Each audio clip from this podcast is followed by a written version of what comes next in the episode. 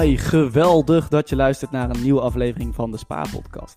Vandaag heb ik Nicole te gast van The Budget Life. En Nicole geeft een prachtig kijkje in haar financiële situatie.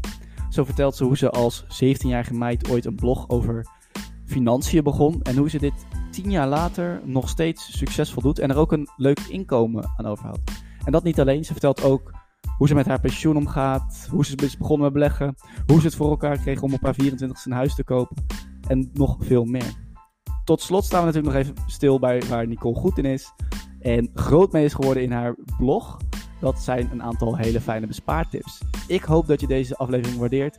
Ik kan in ieder geval je eerlijkheid en je verhaal waarderen, Nicole. Ontzettend bedankt. Mijn naam is Robin Seets en ik publiceer minstens één keer per week een nieuwe podcast voor millennials die slim met hun persoonlijke financiën om willen gaan. Zodat je vooral zelf een lekker mooi leven kunt leiden zonder financiële zorgen en zonder dat je iedere dag met je financiën bezig hoeft te zijn. De ene week laat ik een expert aan het woord om bijvoorbeeld moeilijke onderwerpen simpel uit te leggen. En de andere week is er juist een millennial te gast die eerlijke en authentieke verhalen komt delen over zijn of haar persoonlijke financiën. Of het nu om besparen, beleggen, een huis kopen of je pensioen gaat. Het ultieme doel van de Spaarpodcast is om alles rondom je persoonlijke financiën toegankelijk te maken op een zo simpele, leuke en eerlijk mogelijke manier. Hi Nicole, fantastisch dat je er bent. Ik heb er enorm veel zin in vandaag. Uh, voor de luisteraar die jou niet kent, kun je jezelf even kort voorstellen? Ja, tuurlijk. Superleuk allereerst dat ik uh, te gast ben. Ik ben uh, dus Nicole. Ik ben 27 jaar en uh, ik ben ondernemer. Dat doe ik nu sinds anderhalf jaar. Nadat ik altijd bij marketingbureaus heb gewerkt, ben ik vorig jaar fulltime voor mezelf begonnen. Een avontuur wat me tot nu toe onwijs goed bevalt. Ik zou niet meer anders willen. Um, en ondernemen doe ik stiekem al wel wat langer. Want sinds 2015 heb ik een eigen uh, blog. Of nou, die blog is eigenlijk al tien jaar oud. Ik blog al tien jaar. Wow. Uh, maar in 2015 schreef ik hem in uh, bij de KVK. En sindsdien is dat dus eigenlijk mijn, mijn eigen bedrijf. En mijn blog heet The Budget Life. de naam verklapt het natuurlijk al een beetje. Het is een blog die gaat over financiën. Ik begon die blog dus tien jaar geleden toen ik 17 was. Ik was toen nog middelbare scholier. En ja, alles wat betreft financiën heb ik wel een beetje met de paplepel ingegoten gekregen. Mijn ouders die waren namelijk altijd uh, een ster in creatief omgaan met financiën. Ze waren zeker niet arm, maar we hadden het ook absoluut niet breed. Maar daar heb ik eigenlijk nooit wat van gemerkt. Zij waren altijd heel goed in uh, ja, creatieve oplossingen bedenken met weinig geld. En uh, ja, ook ik werd daar steeds beter in. Waardoor vriendinnen ook wel eens aan mij vroegen: Hey Nicole, hoe kan het nou dat jij aan het eind van de maand nog wel geld overhoudt? Of hoe kan het dat jij dit wel kunt kopen en wij niet? En nou ja, dan gaf ik hen wel eens tips. En toen dacht ik op een gegeven moment, laat ik dit eens met wat meer mensen gaan delen via een, uh, een blog. Dus ooit begonnen met bloggen, eigenlijk heel onwetend. Een siteje in elkaar gezet, wat artikelen erop gezet. En uh, een paar maanden later kreeg ik ineens een reactie op die blog. Dus dat bleek dat mensen daadwerkelijk mijn uh, artikelen lazen. Dus zo uh, ooit begonnen en eigenlijk ja, echt een beetje een uit de hand gelopen hobby geworden. Ja, oké. Okay, nou wel bijzonder. Op je zeventiende al beginnen en dan ook in een financieel onderwerp. Daar wil ik zo zeker even op doorvragen. Voordat ik dat doe, ik heb altijd één, misschien twee vaste vragen voor de gasten die, te, die, die in de show zijn. En de eerste is, welk cijfer geef jij je eigen financiële situatie tussen de 1 en de 10? Ja, daar heb ik natuurlijk stiekem al een beetje over nagedacht, want ik weet dat je die vraag stelt. Ah, oké. Okay. Goed voorbereid. Ja. Zeker, zeker. Ik ben eigenlijk heel tevreden met uh, hoe het gaat op dit moment. Met wat er inkomt en wat er uitgaat. En hoe ik ja, in het algemeen met financiën omga. Dus ik heb besloten mezelf een 8 te geven. Oké. Okay. Geen 10, omdat er altijd ruimte is voor verbetering. En bij mij zit het hem dat vooral erin dat ik nog wel mag leren soms om iets meer te genieten van het uitgeven van geld. Ik noem mezelf voor de grap altijd wel eens een beetje gierig.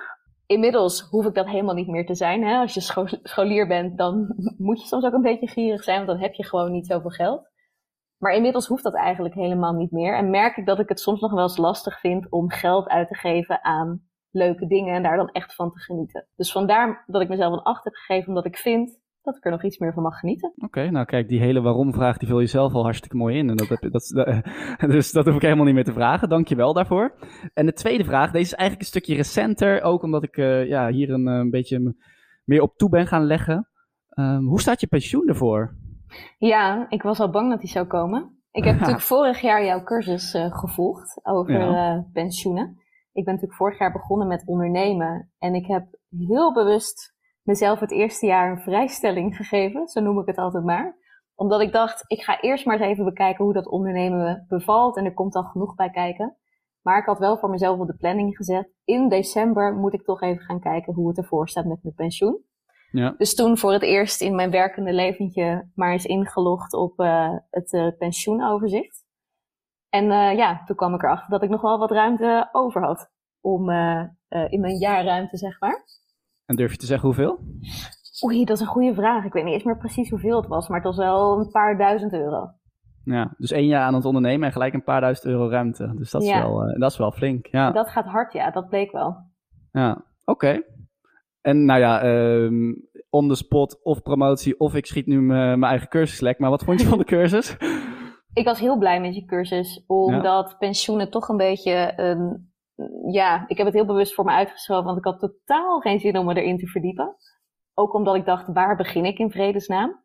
Dus ik vond je cursus super fijn, omdat ik toen in ieder geval een beginpunt had. Een beetje begreep hoe het zat. En vervolgens ook wel de stappen kon ondernemen om vervolgens mijn pensioen te regelen. Dus inmiddels heb ik het geregeld. Zet ik elke maand uh, braaf een bedrag opzij op een uh, uh, pensioenbeleggingsrekening, noem je dat dan volgens mij. Ja. En spaar ik daarnaast ook nog een, een bedrag per maand. Oké, nou wat tof om te horen. Ik moet je na deze podcast volgens mij een extra bedankje sturen voor deze goede promotie. Dus nee, maar dank je wel daarvoor. En ik ben gewoon ontzettend blij dat het je heeft geholpen. Ik bedoel, dat is uiteindelijk de reden waarom ik het heb opgezet. Dus dat ja. is leuk om te horen. Ja, ja, en ik ben er ook heel blij mee. Nou, mooi. Uh, dankjewel voor deze antwoorden, dat waardeer ik. En ook de eerlijkheid daarin. Uh, dus laten we hem dan terugpakken bij uh, Nicole van, van 17. Want, um, nou ja, misschien heel gechargeerd gezegd, maar financiën is niet een onderwerp waar de standaard 17-jarige zich mee bezighoudt. En je gaf al een beetje aan van, uh, vanuit mijn ouders. Kun je daar nog iets meer over vertellen? Wat waren dan die dingen waarom jij op je 17e daar zo mee bezig hield? En wat waren die creatieve dingen die je ouders je dan leerden? Ja, mijn ouders die hebben altijd financiën ook wel belangrijk gemaakt in onze opvoeding. Dus ik was bijvoorbeeld twaalf toen ik al begon met mijn, uh, met mijn eerste baantje. Ik leerde eigenlijk al heel snel, geld komt niet zomaar uit de muur. Daar moet je voor werken. Dus ik begon op mijn twaalfde met, uh, met de klassieke krantenwijk. En Aha, ja. twee derde ja. van mijn inkomsten moest ik sparen.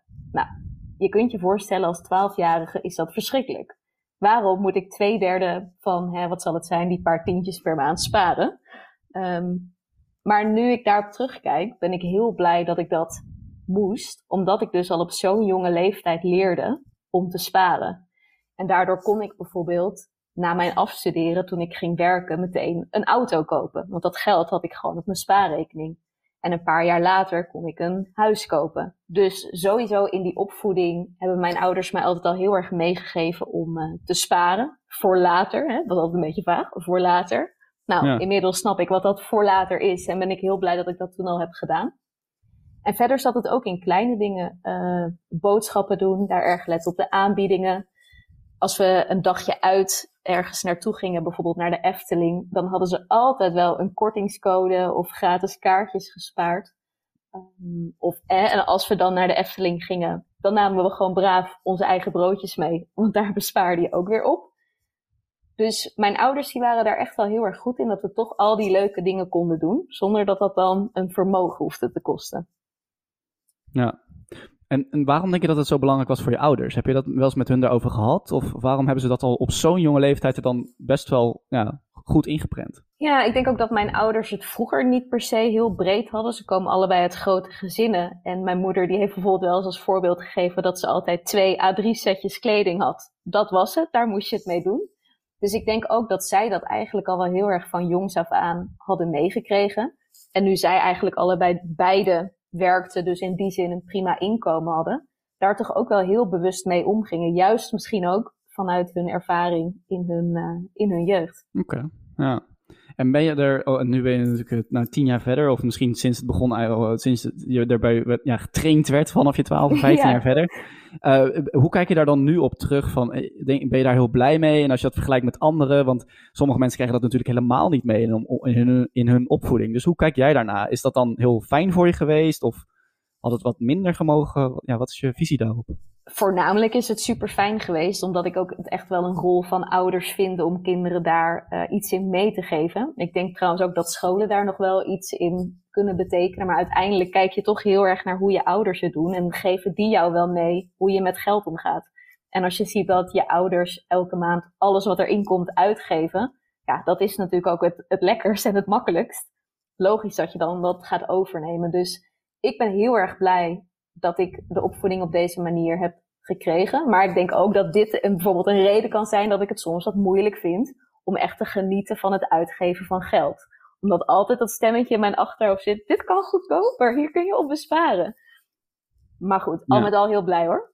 Oké, oké. Nou, laten we fast forward dan. Uh, dus nu, hè, 15 jaar later. Uh, uh, zoals je al zei, het, het, je hebt in principe voldoende inkomsten. Hoe richt jij nu je financiën in op hoofdzaken? Waar ben je mee bezig? Heb je een bepaald spaarpercentage? Of, of ja, hoe zit dat nu ehm, bij jou? Nou, ik ben ondernemer, dus elke maand komt er een variabel bedrag binnen. Het is nooit hetzelfde. Dus ik werk niet met dat ik elke maand een vast bedrag opzij zet, maar ik werk wel met percentages. Dus ik hou elke maand mijn inkomsten en uitgaven bij in een uh, Excel-sheet. Die heb ik gewoon zelf in elkaar geknutseld. en dan kan ik natuurlijk gewoon precies zien wat ik aan het eind van de maand overhoud. En dat bedrag verdeel ik weer over mijn spaarpotjes. Ik heb een aantal spaardoelen die ik voor elk jaar altijd uh, bedenk. En daarnaast beleg ik ook. Dus een gedeelte zet ik opzij om te sparen, een gedeelte om te beleggen. En dat verdeel ik weer over zowel mijn spaarpotjes als mijn verschillende beleggingsapps en platformen. Oké, en, en, en, en één slag dieper, wat kun je ons meenemen in die spaardoelen en hoeveel procent gaat er dan naar die verschillende potjes? Zeker. Het belangrijkste spaardoel voor mij dit jaar is mijn starterslening. Ik heb in 2018 een appartement gekocht met behulp van een starterslening. Dat is dus een lening die door de gemeente bovenop je hypotheek wordt gegeven. Voor mij super fijn, want ik kocht in mijn eentje een huis. En ik kon volgens mij destijds een hypotheek van nog geen 150.000 euro krijgen. Nou, ook in die tijd kon je daar niks voor kopen. Nu ook niet. Dus via de gemeente kon ik zo ineens 32.000 euro extra lenen. Bovenop die hypotheek. En die starterslening is de eerste drie jaar aflossings- en rentevrij. Dus pas na drie jaar begin je met aflossen. En dat derde jaar is inmiddels aangebroken. Vanaf november moet ik eigenlijk beginnen met aflossen. Maar nu is het zo dat als je die starterslening in één keer aflost, betaal je 0 euro aan rente. En dat klonk natuurlijk wel als muziek in de oren. Dus eigenlijk vanaf het moment dat ik mijn huis heb gekocht, ben ik al gaan sparen daarvoor. En heb ik dus nu een bepaald bedrag als einddoel in mijn hoofd. Het liefst die 32.000 euro dit jaar. Misschien wordt het iets minder. Maar wie weet lukt het. En als ik dat in één keer aflos, ja, dan hoef ik helemaal geen rente te betalen over dat leningdeel. En ben je dus eigenlijk meteen 20% van je lening over je woning kwijt. Ja. Dus dat is mijn belangrijkste spaardoel voor dit jaar. Daarnaast spaar ik voor een grote reis. In de hoop dat het ooit weer kan. Ook die heb ik inmiddels bijna vol, dat potje. Ehm, maar goed, ja, starterslening was voor mij echt het belangrijkste eh, dit jaar. En daar ging dus eigenlijk gewoon het grootste gedeelte naar heen. Want het is nogal een bedrag, die 32.000 euro. Oké, dus eigenlijk hoofdzakelijk twee grote doelen voor jou op dit moment. Ja, en als die dan straks klaar zijn, dan kan ik weer uh, gaan nadenken over iets nieuws. Dus daar ben ik nu uh, stiekem al een beetje over aan het nadenken wat ik dan wil. Ja, leuk. Nou, die startslening, nog een, nog een vervolgvraag daarop hoor. Want volgens mij want ik ben ook bezig met een huis kopen en er zijn veel mensen die luisteren die daar ook mee bezig zijn en inderdaad wel lastig vinden om hun eerste huis te kopen. Dus die, die zijn nog steeds beschikbaar, toch? Klopt, maar lang niet meer in alle gemeenten. Ik heb, ben zelfs ook dus naar een andere gemeente verhuisd, omdat daar wel een starterslening was en in de woonplaats waar ik toen woonde was dat niet het geval. Dus voor mij eh, was dat uiteindelijk ook wel een van de redenen om ja, te verhuizen naar Veenendaal, waar ik nu woon. Oké, en hoeveel rente zou erop zitten als je dan uh, in november terug moet gaan betalen? Het ligt natuurlijk een beetje aan wanneer je die hebt afgesloten. Ik weet dat het bij mij, toen ik hem eind 2018 afsloot, zou die rente 2,9% zijn. Op mijn hypotheek was het 2,2%, dus het ligt wel iets hoger dan de normale rente over je hypotheek. Dus ik heb uitgerekend dat als ik dat gewoon in één keer aflos, zou me dat ruim 5000 euro aan rente besparen.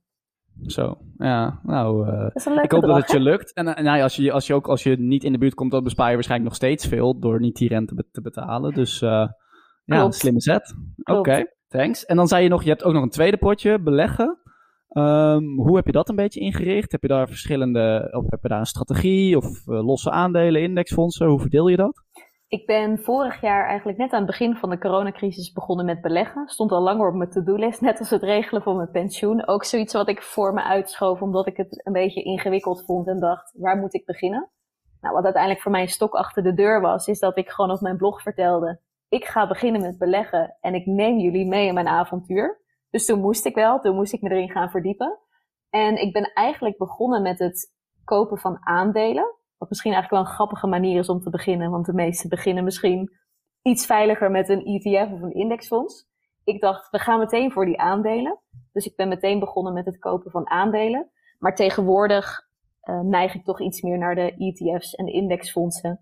Hoef je net iets minder te verdiepen elke maand. En zet ik daar gewoon elke maand een uh, bepaald bedrag, uh, stort ik daar naartoe. Oké. En heb je dan nog een, voorkeur voor bepaald type indexfondsen of ETF's? Of hoe, hoe kies je die? Ik probeer mijn beleggingen gewoon zo breed mogelijk te spreiden. Dus niet alleen beleg ik in verschillende landen en sectoren, maar ook in verschillende, uh, via verschillende platformen. Dus ik heb bijvoorbeeld, uh, beleg ik in een eh, indexfonds van heel Europa. Daar heeft elk bedrijf een gelijk aandeel in dat indexfonds. Dus dat vond ik wel interessant. En ik beleg in uh, de 505 grootste bedrijven van Amerika als ETF zijnde. En dan heb ik nog een andere ETF, ook in Europa. Dus eigenlijk super breed. Oké, dus je kiest, uh, best wel een diepe vraag, maar waarom kies je dan specifiek voor Europa en Amerika? Ja, niet een bepaalde reden. Ik vind, uh, Europa voelt denk ik in die zin een beetje dichtbij. Dus dan volg je dat nieuws misschien een beetje over de bedrijven die hier zijn.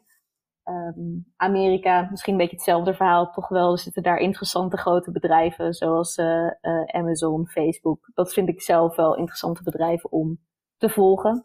Dus vandaar een beetje uit persoonlijke interesse en voelt een beetje dichtbij, denk ik. Oké, ja, ja, snap ik. En het doen wat fijn voelt natuurlijk. Dus ja. je bent breed gespreid. Nou, dankjewel voor het inkijkje in, in, in, een beetje in je strategie. In, mis ik nog iets in je beleggen, sparen, een ander deel van de strategie dat, ik, dat hierin nog ontbreekt? Of is dit nou, wel een beetje? Volgens mij heb je een redelijk compleet, uh, compleet beeld zo, ja.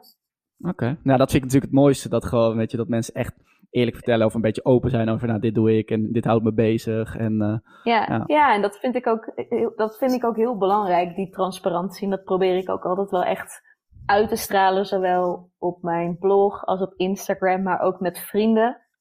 Probeer ik altijd heel open te zijn over wat er inkomt en wat er uitgaat. Omdat ik geloof als iedereen dat wat meer gaat doen, dat je ook steeds beter ontdekt wat er mogelijk zou zijn voor jezelf. Als we allemaal zo geheimzinnig erover blijven doen, dan ontdek je nooit dat je of meer kunt verdienen of misschien wat meer kunt besparen. Dus ja, ik vind dat heel belangrijk. Ja, snap ik. Ja, oké.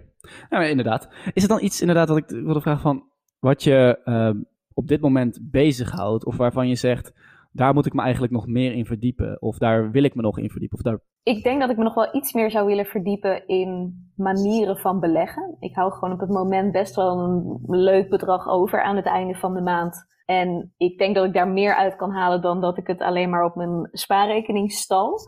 Dus ik vind bijvoorbeeld, ja, dat komt toch misschien een beetje op de cliché, maar beleggen in vastgoed vind ik wel iets interessants. Dus ik heb bijvoorbeeld nu een appartement waar ik denk ik nog een jaar of twee, drie wil blijven wonen. En daarna zou ik het al heel interessant vinden om te kijken of ik zelf misschien naar een leuke rijtjeswoning, hoekwoning kan verhuizen. En dit appartement misschien wel kan aanhouden voor de verhuur. Dus dat is iets wat langzaamaan een beetje op mijn uh, lijstje komt. Ja, vet. Ja, als dat kan lukken, dan is uh, twee jaar van tevoren wel een mooi, mooi moment om inderdaad daarin te gaan verdiepen. Hoe werkt dat? Hoe kan ik dat regelen? Dat, dat zal niet uh, morgen geregeld zijn. Dus. Ik denk het ook niet. Nee, klopt. Dus ik hoop dat ik daar nu een beetje ja, de komende tijd wat meer informatie over kan gaan verzamelen. Ja, nou, oké. Je hebt de zaakjes goed voor elkaar persoonlijk. Um, en je hebt natuurlijk een blog. Dus laten we het heel even daarover gaan hebben. De Budget Life. En ja, waar schrijf je vooral over? En kun je ook wat vertellen over hoe dat dan nu gaat? Misschien uh, hoeveel bezoekers je hebt en dat soort dingen. Of, of, waar je dan ook je inkomsten mee verdient met die blog? ik begon dus tien jaar geleden met bloggen over um, besparen voornamelijk. Toen legde ik echt de focus op uh, ja, hoe kun je met zo min mogelijk geld zoveel mogelijk doen. Dat was altijd een beetje mijn, mijn motto. Nu ik dus zelf ook geen scholier, student meer ben, heb ik eigenlijk mijn onderwerp een beetje verbreden. Dus eigenlijk financiën in het algemeen. Dus ik schrijf bijvoorbeeld nu veel over nou, beleggen bijvoorbeeld, sparen, passief inkomen, maar ook zeker de bespaartips blijven natuurlijk een onderdeel van, uh, van de budget life. En wat ik daarbij denk ik eigenlijk vooral eh, wil uitstralen is uh, ja, dat het belangrijk is om open te zijn over je financiën. Het is gewoon iets waar ik zelf heel veel persoonlijke interesse in heb. Dus ik vind het leuk om erover te schrijven en informatie daarover eh, te delen. Elke maand bezoeken zo tussen de 20.000 en 25.000 unieke gebruikers mijn uh, site. Dus dat aantal is ook wel flink gegroeid door de jaren heen. Heel erg leuk om te zien. Ja. En ik heb natuurlijk een beetje als voordeel dat ik online marketeer ben. Dus ik weet natuurlijk wel een beetje hoe ik ervoor zorg dat mijn website goed gevonden wordt. Dat mensen naar mijn website uh, komen. Dus inderdaad, een groot gedeelte van die websitebezoekers komt via de zoekmachine op mijn uh, website terecht. En mijn verdienmodel van de Budget Life is voornamelijk advertorials. Dus bedrijven die op mijn website een artikel inkopen. Dus ik schrijf dan iets over hun product of dienst. En daar krijg ik in ruil daarvoor een financiële vergoeding. En daarnaast doe ik ook aan affiliate marketing. Dus uh, dan als, ik, als iemand via mijn website bij zo'n bedrijf een product of dienst verkoopt, uh, krijg ik daar een percentage over. En ook dat is iets waar ik steeds meer mee bezig ben. En aan het begin misschien een tientje per maand was. En inmiddels toch wel richting de 1000 à 2000 euro per maand gaat. Dus dat is een, leuke, een leuk extra zakcentje, zeg ik altijd maar. Ja, absoluut. Oké, nou wat vet. Heel veel bezoekers, leuk extra zakcentje. Um, je zei al inderdaad de bespaartips. Is, is dat dan ook de hoofdreden waarom mensen nog op je website komen? Of wat is voor de meeste mensen, wat is jouw doelgroep? En welke artikelen komen ze nou het vaakst voor naar jouw website? ik denk ook dat dat wel een beetje is verschoven. Het leuke vind ik dat ik dit dus al tien jaar doe en merk dat mijn doelgroep ook een beetje met mij meegroeit. Dus waar tien jaar geleden ook echt voornamelijk studenten en scholieren mijn website bezoeken, merk ik dat het nu ook meer ja, young professionals zijn. Mensen die net zijn afgestudeerd, met een eerste baan beginnen. Uh, allemaal spannende financiële dingen in hun leven krijgen, zoals het kopen van een huis, uh, je studieschuld aflossen, dat soort dingen. Dus het is een beetje tussen de 20 en 30 jaar is mijn grootste doelgroep. En inmiddels ook wel een mooie mix van mannen en vrouwen. Want voorheen was het voornamelijk vrouwen. Maar sinds ik iets meer schrijf over beleggen, merk ik dat ook uh, ja, er wat meer mannen naar de site komen. Oké, okay. oké. Okay. Nou ja, uh, weet je, dat is super mooi. Uh, ik vind je in ieder geval ook nog heel erg bewonderenswaardig voor alles wat je hebt geschreven en de budget live en wat ik van je heb gezien over een aantal bespaardingen. Dus ik ben gewoon benieuwd of we daar nog heel even bij kunnen staan. Want beleggen hebben we het gewoon al heel erg vaak over. Mm -hmm. uh, en ik weet dat jij gewoon een aantal hele mooie, ja, originele bespaartips hebt. Het is echt met de paplepel ingegoten. Dus ik ben wel benieuwd. Misschien kunnen we uh, even de top drie of uh, een beetje ongewone bespaartips. Want normaal weet je, mensen zeggen altijd ja, bespaar op je verzekering. Ja, dat snap ik wel, maar niemand gaat het vervolgens doen. Mm -hmm. Dus uh, ja, kun je mij en, de, en de, de, de, luisteraar overtuigen van je, van je beste bespaartips? Zeker, zeker. Nou, ik, heb er de, ik heb er natuurlijk genoeg, maar waar het voor mij altijd echt mee begint, is dat inzicht creëren in je inkomsten en uitgaven. Hoe je dat doet, kies vooral een manier wat voor je werkt. Nou, er zijn natuurlijk tegenwoordig superveel apps waarmee je zelfs automatisch uh, alles wat op je bankrekening gebeurt kunt, uh, kunt uitschrijven. Dus ja, in zo'n app zie je dan eigenlijk precies wat erin komt en wat eruit gaat. Zelf werk ik dus met Excel. En daar begint het natuurlijk mee. Hoeveel geef je nou eigenlijk uit aan boodschappen? Hoeveel geef je nu eigenlijk elke maand uit aan kleding? En ik kan je bij voorbaat al verklappen, dat is altijd meer dan je van tevoren denkt. Ja. Dus op dat moment word je in eerste instantie eigenlijk geconfronteerd met wat geef ik uit en waaraan. En dan ontdek je ook precies op welke categorie je misschien wat kunt besparen ik gebruik zelf eigenlijk ook heel vaak uh, Nibud een beetje als richtlijn voor wat voor mij als vrouw van 27 normale uh, richtlijnen zijn, qua wat ik uit mag geven. Dus ik mag bijvoorbeeld volgens het Nibud 180 euro per maand aan boodschappen uitgeven. Nou, dan probeer ik daar ook altijd wel binnen te blijven. Laat ik erop stellen dat het mij ook niet altijd lukt. Maar dat is dan wel een beetje de richtlijn die ik, uh, die ik neem. Dus daar begint het eigenlijk voor mij mee. Nou, bijvoorbeeld boodschappen was dus voor mij een thema de afgelopen maanden, omdat ik merkte dat ik daar structureel te veel aan uitgaf. Wat voor mij daarin echt een top tip is geweest, is de app Too Good To Go. Ik weet niet of je die kent. Ik Nou, ken hem zeker, ja. Leuk. Nou, ik gebruik die dus heel veel. Wat je daar eigenlijk mee doet, is eh, dat je vaak voor 4 à 5 euro bij een supermarkt of een bakker of een restaurant een pakket met eten op kunt halen wat normaal weggegooid zou worden. Dus Ja. het is eh, leuk voor je portemonnee en het milieu. Die help je ook nog eens een handje. En ja, daar zitten eigenlijk altijd super bruikbare dingen in waar ik soms wel twee, drie dagen van kan eten. Ehm, dus dat heeft er bijvoorbeeld echt wel voor gezorgd dat ik flink ben gaan besparen op, eh, op boodschappen. Oké, helder. Supergoeie tip. Al, eigenlijk al twee. Bekijk het Nibud, eh wat, wat, of Nibud, wat ze ook als richtlijn geven. Want dat is inderdaad wel een moeilijke. Van, ja, maar wat is eigenlijk normaal? Mhm. Eh, dus die, die kun je vinden bij het Nibud en de Too Good To Go app. Ehm, inderdaad, voor de mensen die dat nog niet kennen. En verder zijn er dan nog, dus je hebt het inzicht, je hebt je boodschappen. Eh, wat zijn nog meer hele goede ja, bespaartips of dingen waar mensen niet vaak genoeg aan denken? Ja, ik wil nog wel even inhaken op wat jij net zei. Van eh, hè, verzekering, dat is een standaard, maar dat het toch niemand of niemand heeft daar zin in. Ik Ja. heb ook nooit zin om over te stappen. Maar wat bijvoorbeeld mijn tactiek is voor mijn televisie- en internetabonnement, dat is ook echt iets wat je maar net moet weten. Elk jaar als mijn abonnement afloopt, bel ik naar mijn internetprovider en zeg ik, ja, het wordt me een beetje te duur. Ik denk erover om over te stappen. Nou, dat is Ja. voor hen een signaal om met een keigoede aanbieding te komen. Ja. Dus niet het gedoe van overstappen en toch besparen. Dus dat doe ik standaard elk jaar. En daar heb ik de afgelopen jaren echt al, nou, misschien wel honderden euro's mee, eh, mee bespaard. Dus dat is wat mij betreft een heel goede tip. Ik ik weet ook niet zo goed hoe, hoe ik dat moet noemen dan bij mensen. Of ook bij mezelf natuurlijk. Dat ik nu al zo zeg van, oh, daar heeft natuurlijk niemand zin in. Want het levert uiteindelijk hartstikke veel op. En als je dat op, bij elkaar op gaat tellen, dan is het ontzettend veel. Dus ergens is het heel erg terecht om dat wel, gewoon wel te doen. Ehm, Ja, Ja, en tegenwoordig gaat het natuurlijk ook wel wat makkelijker. Want vaak als je overstapt naar een andere verzekeraar, of dat nou je autoverzekering of eh, eh, zorgverzekering of iets is, dan zeggen zij vaak je oude verzekering ook voor je op.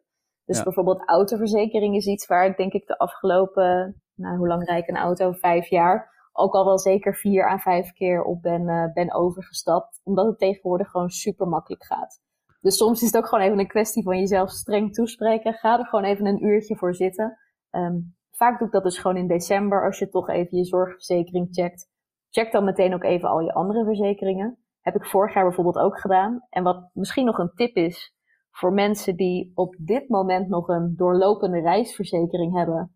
En Oh ja, voorlopig ja. nog even niet van plan zijn om op vakantie te gaan. Zeg hem op. Bespaart je toch weer een paar euro per maand. Ja, oké, nou ja, go- goed punt. Dus eigenlijk zeg je, eh, tijdens, doe het tijdens je zorgverzekering, want daar moet je sowieso wel naar kijken. Dus dat is een goede reminder van, dan check ik de rest ook nog even. Ja, En, en het is ook wel tijd om die mindset te veranderen van, oké, vroeger was dit moeilijk en het kostte dit veel tijd. Nu in een uurtje regel je bijna al die dingen doordat je even belt of mailt of... ja. ehm, Ja, en je hebt tegenwoordig natuurlijk allemaal van die vergelijkingsplatformen waar je echt super eenvoudig kunt zien wat je betaalt bij de een of bij de ander. Daarover heb ik trouwens nog wel een tip slash opmerking, want he- heel veel mensen gebruiken natuurlijk zo'n vergelijkingsplatform om te checken, hè, kan mijn zorgverzekering ergens anders? Wat goed is om daarbij te beseffen is dat veel van die platformen hun geld verdienen doordat ze mensen doorverwijzen naar een verzekeraar. Zo'n verzekeraar heeft dus ook een affiliate programma, waardoor ze Ja. een commissie kunnen uitkeren. Niet alle verzekeraars hebben dat. Dus ik zit bijvoorbeeld al acht jaar lang bij Zeker. Dat is een redelijk onbekende zorgverzekeraar, is onderdeel van Unive. Die zie ik nooit voorbij komen op die vergelijkingsplatformen, omdat ze geen commissie uitkeren aan platformen die mensen doorverwijzen. Dus daarbij is ook wel een tip, kijk iets verder dan je neus lang is, maar zo'n platform helpt je natuurlijk wel een beetje om een eerste selectie te maken. Ja, nou, eh, daar heb je helemaal gelijk in. Dat viel mij afgelopen jaar op. Eh, de jaren daarvoor kon je nog sorteren op eh, prijs laag naar hoog. Nu waren ze zelfs zo slim, sommige vergelijkers, om dan niet alle resultaten te laten zien. Dus ze lieten sneaky. vooral, ja, heel sneaky. Dus dan staat er dan ergens rechtsonder in de pagina, je ziet zoveel van de zoveel resultaten. Zodat, je ze, in, zodat ze je inderdaad stuurden naar, oké, dit lijkt de goedkoopste. Terwijl als je bepaalde andere filters weer aan ging zetten, kwamen er meer resultaten. En dat is inderdaad wel iets om op te letten bij, die, eh, bij dat soort sneaky partijen. Dus, Ja, eh, zeker. Maar goed, vergelijken zelf natuurlijk wel, want als consument kom je er anders gewoon niet uit. Dus, Oké, nou ja, goede tips. Is, uh, is er, ik ben wel benieuwd, wat is het bizarste bespaarverhaal wat jij ooit hebt langs horen komen van iemand? Oeh, goede vraag. Van iemand anders specifiek? Ja, of van jezelf, dat je echt denkt, nou, dit was niet normaal. Of ik daarop heb bespaard. Als... Ja, mm, nou ja, ik vind dus die van tv en internet zelf altijd wel een goede. Want dat heeft me toen echt in één jaar iets van 200 euro bespaard met één telefoontje van drie minuten. En wat ik ook wel een goede vind op het moment, dat is een actie die volgens mij ook al een tijd lang loopt bij Promovendum. Als je daar overstapt met je autoverzekering, krijg je 25% korting. En als de korting minder dan 25% is ten opzichte van jouw vorige verzekering, krijg je zelfs nog extra korting. Dus dat is echt de aller, allerbeste deal die ik heb gevonden. Ik bespaarde toen inderdaad per direct ook 25% op mijn autoverzekering. Maar echt een heel, heel bizar verhaal. Daar zou ik dan toch iets beter over moeten nadenken. Ja, oké. Nou ja. Alle kleine, kleine beetjes helpen. En 25% is uiteindelijk weer heel veel. En ja, je hebt al op jonge leeftijd geleerd om twee derde opzij te zetten. En uh, op je 24ste een huis gekocht. Je kunt een auto rijden, je bent ondernemer. Dus volgens mij heb je het financieel gezien hartstikke goed voor elkaar. Dus, uh... Ja, ik mag niet klagen. Ja, oké. Okay, um, nog heel even doorpakken op dat, uh, op dat huis dan ook. Terugpakken eigenlijk. Um, want je zei dat heb ik op mijn 24ste gekocht. En ja, ik heb goed gespaard. Um, maar waren er nog andere dingen die dat dan mogelijk maakten naast de startersregeling? Of heb je dat gewoon uit je spaargeld en de hypotheek kunnen doen? Nou, verder heb ik geen hulp gekregen van mijn ouders of andere mensen. Ik heb dat echt wel zelf uh, geregeld toen. Ik denk dat wat bij mij altijd heeft geholpen, is dat ik altijd eigenlijk na mijn afstuderen best wel een duidelijk, of nou, tijdens mijn studie al, altijd wel heel erg een duidelijk plan had van over twee of drie jaar wil ik dit. Dus ik begon altijd al ruim op tijd met het treffen van voorbereidingen. Eigenlijk wat ik nu ook al stiekem een beetje aan het doen ben. Nou, als ik ergens de komende tien jaar in vastgoed wil investeren, dan moet ik daar misschien nu al wat voor uitzoeken of geld opzij zetten.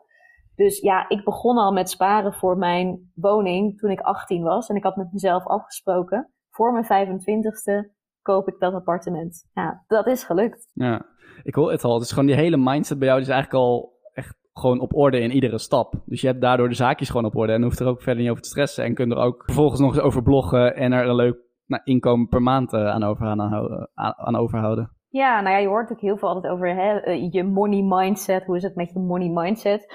Um, ja, het, het klopt wel dat dat super belangrijk is, omdat ik denk als je op een een goede manier naar geld kijkt. Kijk, ik zeg ook altijd, geld aan zich is allemaal niet zo heel boeiend. Maar 9 van de 10 dromen die je hebt, kunnen alleen gerealiseerd worden met geld.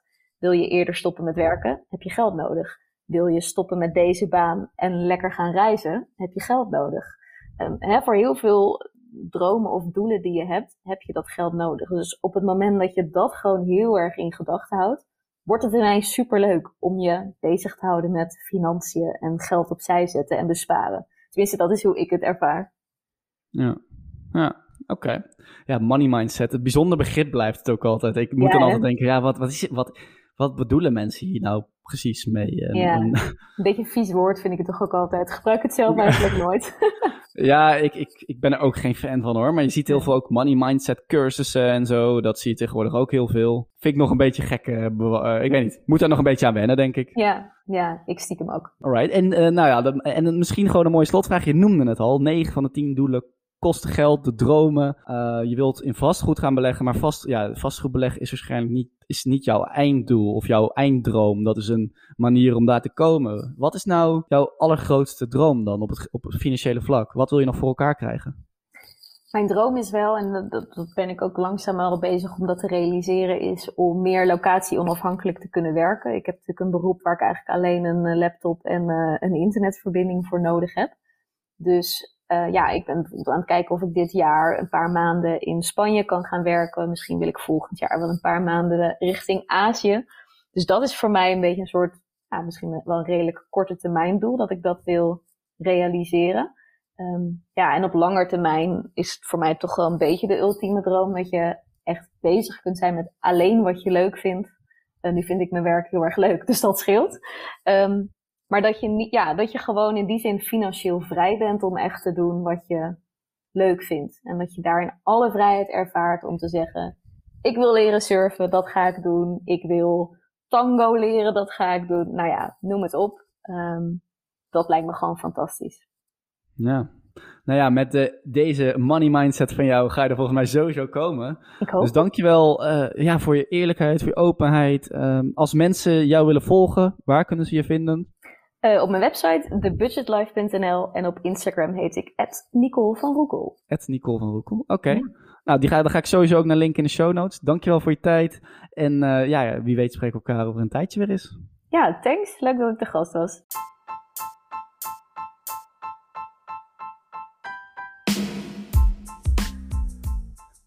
Bedankt voor het luisteren naar de Spa-podcast. Ik hoop dat je opnieuw iets hebt opgestoken en dat je een stap dichterbij bent bij het op orde brengen van jouw persoonlijke financiën op een zo slim mogelijke manier. Mocht je nu meer informatie willen, dan kun je veel onderwerpen ook even nalezen op mijn blog www.despaarpodcast.nl. Je vindt hier ook veel persoonlijke artikelen, bijvoorbeeld over mijn portfolio, doelen en de workations waar ik wel eens op ga. Heb je nog andere vragen? Stuur me dan gerust een bericht op eh, Instagram naar de Spaarpodcast. Dat is spaarpot met een D en kast met een C. En deel jij nu mijn uh, persoonlijke missie om financiën toegankelijk te maken op een zo simpele, leuke en eerlijke manier? Dan zou ik het echt enorm tof vinden als je een review achter wil laten. Op uh, Apple Podcasts kun je dit bijvoorbeeld doen bij de reviews. Uh, selecteer het aantal sterren en laat even weten wat je van de podcast vond. Ik lees die reviews altijd graag. En zit je op Spotify, dan hoef je eigenlijk alleen maar even op volgen te drukken, want daar kun je nog geen reviews achterlaten. Je, wordt dan wel altijd op de hoogte gehouden van nieuwe afleveringen. En wil je nu zelf een keer graag in de show komen, dan kan het ook. Contact me dan via Instagram, spaarpodcast, of mail me even naar Robin, at. Dit was hem weer en hopelijk tot de volgende keer.